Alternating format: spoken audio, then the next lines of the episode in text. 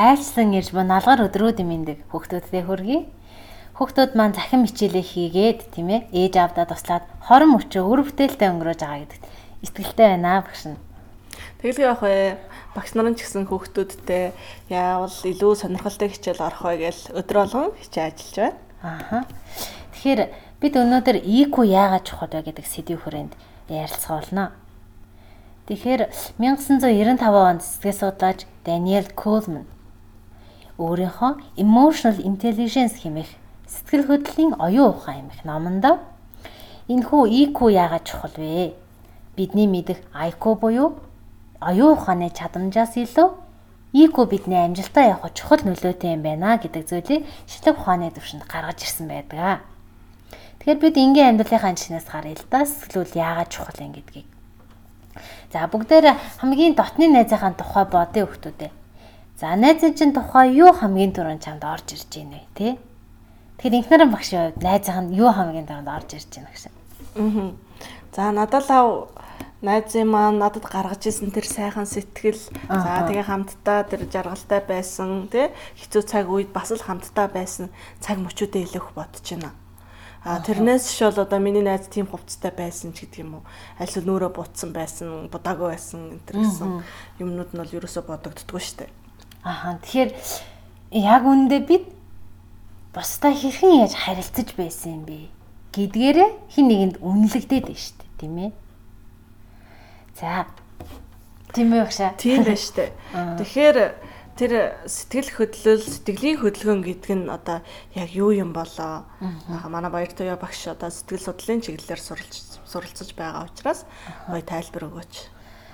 За тэгэхээр Сэтгэлийн хөдөлгөөн гэдэг зүйлийг сэтгэл судлалын шилэг ухаан гадаад болон дотоод ямар нэгэн нөлөөлөлд бидний бие махбод ямар хариу үйлдэл үзүүлдэг юм бэ? Тэр үзүүлж байгаа хариу үйлдлийг сэтгэлийн хөдөлгөөн гэж нэрлэдэг байна. Гадаад ихэд бидний одоо гэр бүл, найз нөхөд, сургуулийн орчин орж ин тийм ээ. Энэ бүгдэд бидний бие махбод ямар хариу үйлдэл үзүүлж байгаа нөрөө сэтгэлийн хөдөлгөөн байна.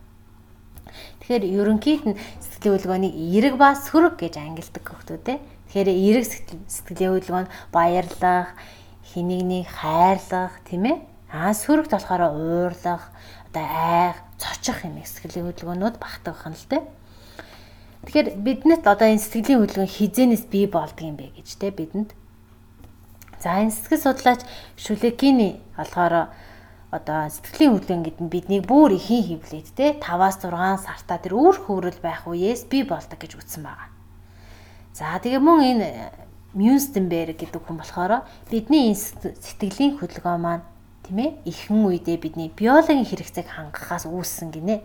Одоо тухайлах юм бол нэлэх хөөхд уйлахад ээж нь мөмөгдөг штэ. Тэгэхээр энэ нь болохоор хүүхэд тэр одоо уйлах гэдэг сэтгэлийн хөдөлгөөнийхаа тусламжтайгаар хоол ээж нь хоол өгч шүү дээ хоолоо олж идэж байна. Амтнаар ярих юм бол. За гэтэл одоо 3 4 нас орчмоос одоо хүрээлэн боо орчтойгоо харилцах хэрэгслийн одоо болж өгдөг бахан л дээ сэтгэлийн хөдөлгөөн маань.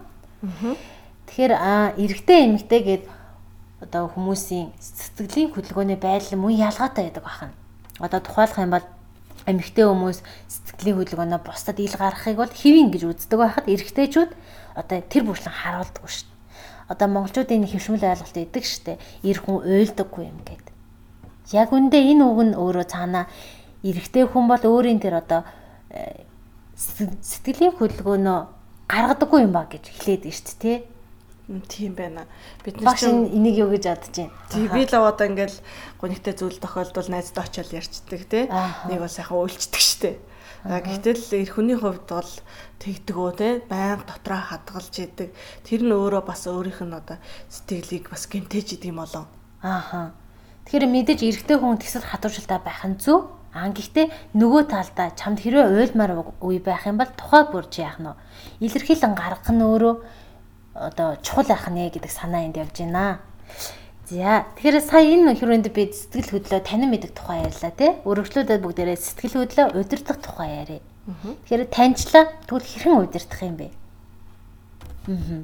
Тэгэхээр бидний одоо төвийн сэтгэл хөдлөлийн нэг уурлах байна л да. Тэгэхээр Starbucks гэдэг кофений олон улсын компани мэдэх бах.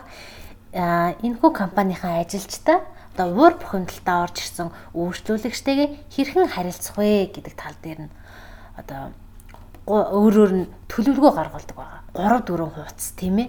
Тэгэхээр энэ яаж юм гэхээр эргээд сэтгэл хөдлөлөө одоо тухай бүр одоо удирдах зурхыг зуршил олгоод байна шүү дээ тийм ээ.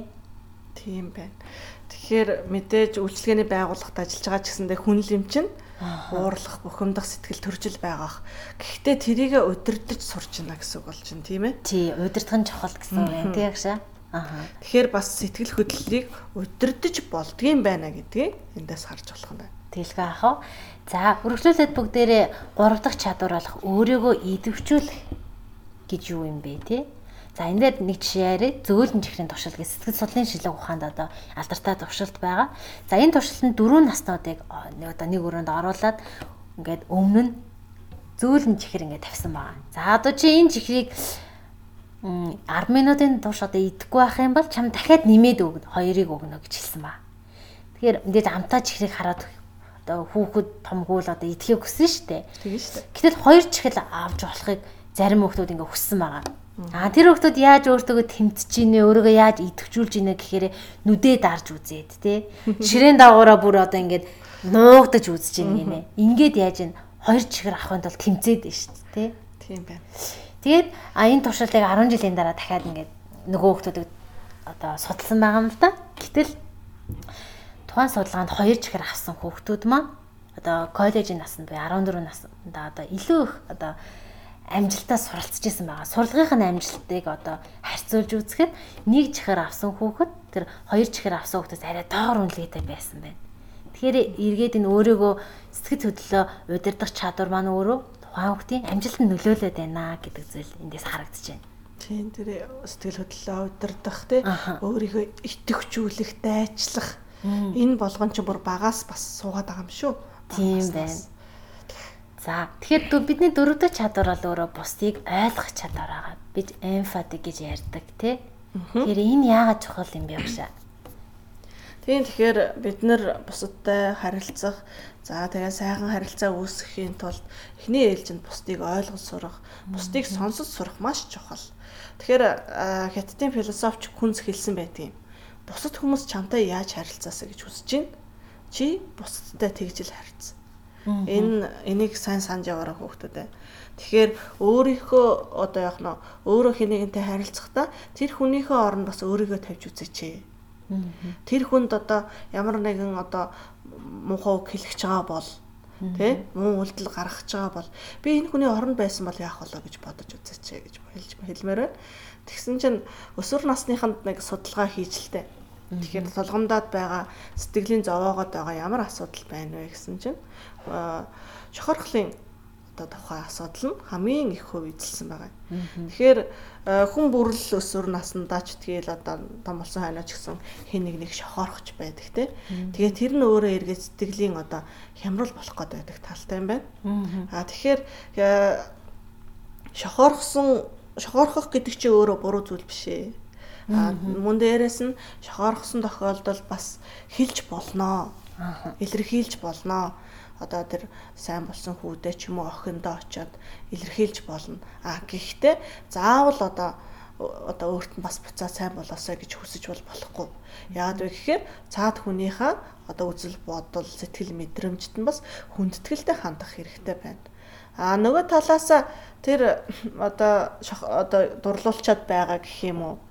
Тэ хин нэгний сонирхлыг татчаад байгаа тэр охин юм уу хүү маань бас буцаагаад татгалзлаач татгалзлаа гэж бодоход эргээр эргээр хандаач тий шоолох дооглох ангийнхандаа зарлах ч гэдэг юм уу ийм одоо асуудлыг битгий гаргаач Яагаад вэ гэхээр эн чинь өөрөө сэтгэлийн одоо маш том асуудал учраас. Тэгээд дээрэс чинь дээрэс нь хэлэхэд дурлуулагч бас гоё штэ тий. Чинийг одоо ямар нэгэн зүйл таалагдсан болвол тэр хүн чамд ирж одоо сэтгэлээ хэлж байгаа байх. Тэгэхээр тэнд нь татгалзаж байгаа бол эрэг хариулт өгөөрэй. Эн чинь л өөрөө бусдыг ойлгох тий одоо бусадтай харилцах бас гол чадваруудын нэг шүү. Ааха. За а эко чадварын 5 дахь чадвар бол өөрөө бусадтай харилцах чадвар. Тэгэхээр бид өөрийн болоод бусдын сэтгэл хөдлөл тохиромжтой харилцааг бий болгох чадварыг хэлээд байгаа. За энэ дээр багш маань бас гоё жишээ дурдах бах тий. Ахаа тэгэхээр бид нэр одоо байгальгүйгээр оршин тогтнох ямар ч боломжгүй байна. За дээрэс нь нийгмийн харилцаагүйгээр одоо амьдрах одоо боломжгүй болсон хүн гэдэг чинь тий. Тэгэхээр хүн өөрөө амьтдаас нэг ялгаатай нэг онцлог нь юу юм бэ гэхээр хаана оршин тэрэн шигэ болдог. Жишээлх юм бол чонтой амьдрах араа чон шиг болно. Дахиатай амьдрах юм бол дахиа шиг болно гэдэг. Одоо энэ бодит амьдралын жишээнүүд харуулж байна л да. Жишээлх юм бол энэтхгийн ойгоос Амала Камала гэд хоёр охиныг олсон байгаа юм чонтой амьдарч исэн. Тэгээ яг чон шиг авиралдаг гинэ түүхий мах идэн тэ ааш авир нь яг л чонных шиг үг хэлж чадахгүй ингээд ийм хоёр охиныг олсон байгаа аахгүй юу. Тэгэхээр эндээс юу гэж хэлэх гээд байна вэ гэхээр бид нарыг тэр хүн шиг хүн болгоод байгаа. Тэ энэ хамгийн гол чухал зүйл нь нийгмийн харилцаа. Тэгэхээр хүмүүс хоорондоо хэдий ч хийнэ одоо яхна эрэг харилцааг бий болгож эрэг харилцааг үүсгэнэ төдий чинээгээр нийгэм өөрөө сайхан болно хувь хүн ч гэсэн өөрөө илүү хөгжинэ. Тэгэхээр манай баяртай агш эхний хэсэгтээ хэлсэн шүү дээ.